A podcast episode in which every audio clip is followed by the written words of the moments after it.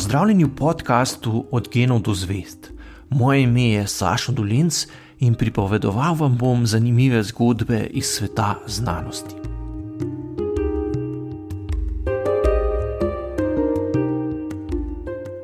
Kako postaviti svet v oklepaj?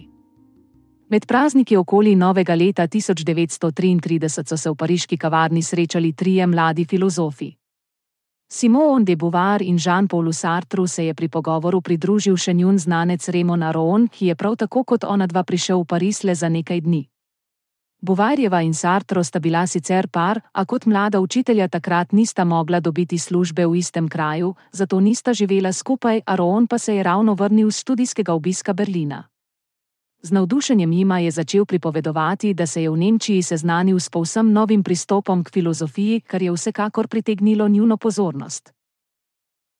Ambiciozni mladi francoski filozofi so bili v tistem času že kar alergični na neštetokrat analizirane akademske razprave, ki so jih vedno znova obravnavali v okviru šolske filozofije. Zato sta Bovarjeva in Sartre z velikim zanimanjem prisluhnila novici o povsem novem pristopu, ki so ga iznašli nemški filozofi in za katerega nista še nikoli slišala. Aron je kolegoma pripovedoval o povsem novem izvirnem načinu spopadanja s filozofskimi vprašanji, ki je izhajal iz običajnih vsakdanjih izkušenj. Začetnik novega filozofskega gibanja, ki se ga je prijelo ime fenomenologija, je bil matematik Edmund Husserl. V množici najrazličnejših pristopov, s katerimi so učenjaki skozi zgodovino poskušali najti trdno osnovo za zanesljivo oporo znanju, je presenetljivo ugotovil, da lahko izhaja tudi iz neposrednega, povsem subjektivnega izkustva.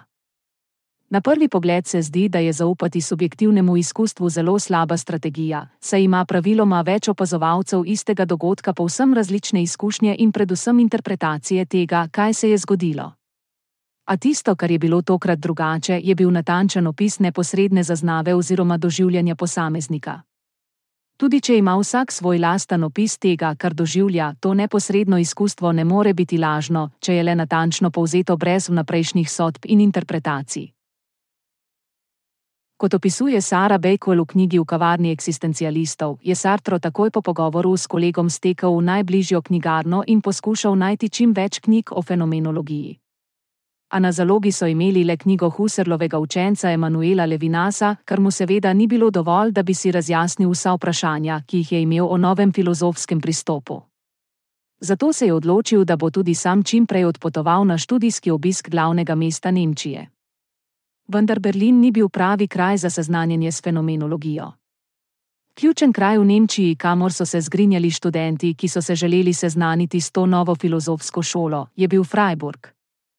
Tu je leta 1916 Edmund Husserl postal profesor filozofije, kasneje pa ga je nasledil Martin Heidegger, ki je fenomenološke ideje še bistveno izpopolnil in nadgradil. V drugi polovici 19. stoletja so predvsem naravoslovne znanosti dosegale zelo velike uspehe. Znanstveniki so kar po tekočem traku razkrivali nove pomembne naravne zakonitosti, ki so postale pomembna osnova tudi za razvoj novih tehnologij. Vedno bolj se je zdelo, da filozofije, ki je bila nekoč pomembna veda, znanost pri svojem hitrem razvoju skoraj da ne potrebuje več. Vsaj ne takšne, kakršno so poznali dotedaj. Med misleci, ki so poskušali najti novo mesto za filozofijo, je bil tudi Husserl. Študiral je matematiko, fiziko in filozofijo, na to leta 1883 naredil doktorat iz matematike in kasneje postal asistent pri slavnem matematiku Karlu Eierstrassu. Vse skozi je veliko razmišljal o problemih, ki jih odpira hitri napredek znanosti. V knjigi Logične raziskave je napadel takrat močno usidrano prepričanje, da so zakoni logike le psihološki zakoni človeške misli. Na to je ugotovil, da lahko tudi s povsem subjektivno metodo, na prvi pogled povsem nasprotno znanstveni metodi iskanja objektivnih resnic, pride do univerzalnih spoznanj. Fenomenologija izhaja iz opisovanja pojavov, kot se ti kažejo našemu izkustvu. Gre za povsem subjektivno poročanje o dogajanju, ki pa se v svoji subjektivni skrajnosti čudežno preoblikuje v nekaj zelo zanesljivega. Ključno pri fenomenološkem pristopu je, da čim bolj odmislimo vse vnaprejšnje sodbe in opredelitve, ki nam jih usiljuje naše znanje in običajno doživljanje okolice. Vsako doživljanje obravnavamo in opišemo, kot da smo soočeni z nečim, česar še nikoli nismo srečali. Fenomenologija pri tem svojem inovativnem pristopu ne problematizira le vsakdanjega doživljanja okolice, ampak tudi tehnično naravoslovno znanstveni pogled na svet, za katerega se je zdelo, da predstavlja nekakšen privilegiran dostop do resnične podobe okolice. Za Husserla dejanske realnosti tako niso predstavljali molekule in sile, ampak pojavi, ki jih neposredno zaznavamo. Fenomenološka metoda, pri kateri se filozofi trudijo zadržati vsako vnaprejšnjo sodbo oziroma postavijo svet v oklepaj, se je pokazala kot izvrsten način, kako poskušati pristopiti k marsikateremu filozofskemu vprašanju na novo. S pomočjo fenomenološkega pristopa lahko na istem nivoju govorimo o mističnih izkušnjah, opazovanju skodelice kave in podatkih z merilnega instrumenta. Ključni mislec, ki je razvil posvem nov pristop, je bil Martin Heidegger. S pomočjo fenomenološke metode se je lotil nekaterih temeljnih vprašanj, kot je, kaj sploh pomeni, da nekaj obstaja, da biva. Ali človek biva na enak način kot predmeti? Po čem se bivajoče razlikuje od nebivajočega? Na ta vprašanja je bilo skozi zgodovino danih že veliko različnih odgovorov, a Heidegger je prav s pomočjo fenomenološkega pristopa prišel do povsem novih rešitev. Ključna ugotovitev, ki jo je prispeval Heidegger, je bila, da lahko skupno lastnost vsega, kar obstaja, razumemo tudi drugače, kot so jo razumeli skoraj vsi filozofi pred njim. Večinoma so vsi misleci skozi zgodovino skupno značilnost vsega bivajočega razumeli skozi razlikovanje med prisotnostjo in odsotnostjo. Tisto, kar obstaja, je na neki način prisotno. Bistvo filozofije, katere začetnik je Heidegger, povzamejo kar besede v naslovu njegove najpomembnejše knjige Bit in čas, ki je išla leta 1927. Vsa zgodovina filozofije od Grkov naprej je bit kot ključno lastnost vsega bivajočega napačno razumela kot prisotnost. Da nekaj obstaja, ne pomeni preprosto to, da je prisotno tu in zdaj. Bit je podobna času, kar pomeni, da je vedno že razpotegnjena v strukturo preteklosti, sedanjosti in prihodnosti. Heidegger v svojih razpravah podrobno pojasnjuje osrednjo idejo, da bit ni prisotnost, ampak čas, do česar pa je prišel prav s fenomenološko metodo. 28. oktober 1945, takoj po koncu druge svetovne vojne, je imel Sartre v Parizu izjemno obiskano javno predavanje.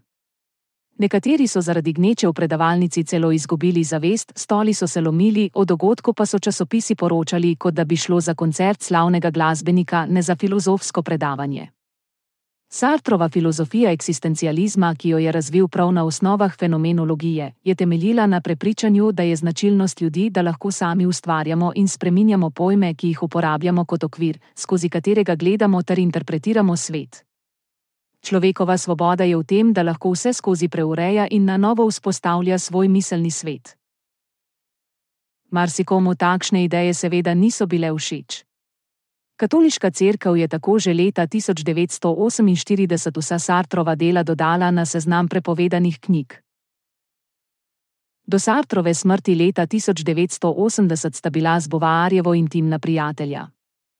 Skupaj sta pisala knjige in članke ter bila drug drugemu prva bralca novih besedil.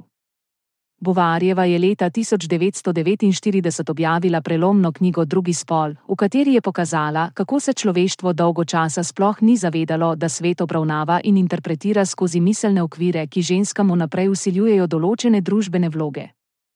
Filozofa sta prav skozi svoje nove ideje vzpostavila tudi malo drugačen partnerski odnos.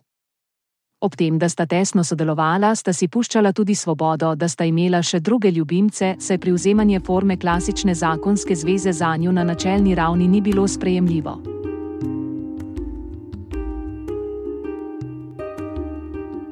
To je bil podcast Od genov do zvest.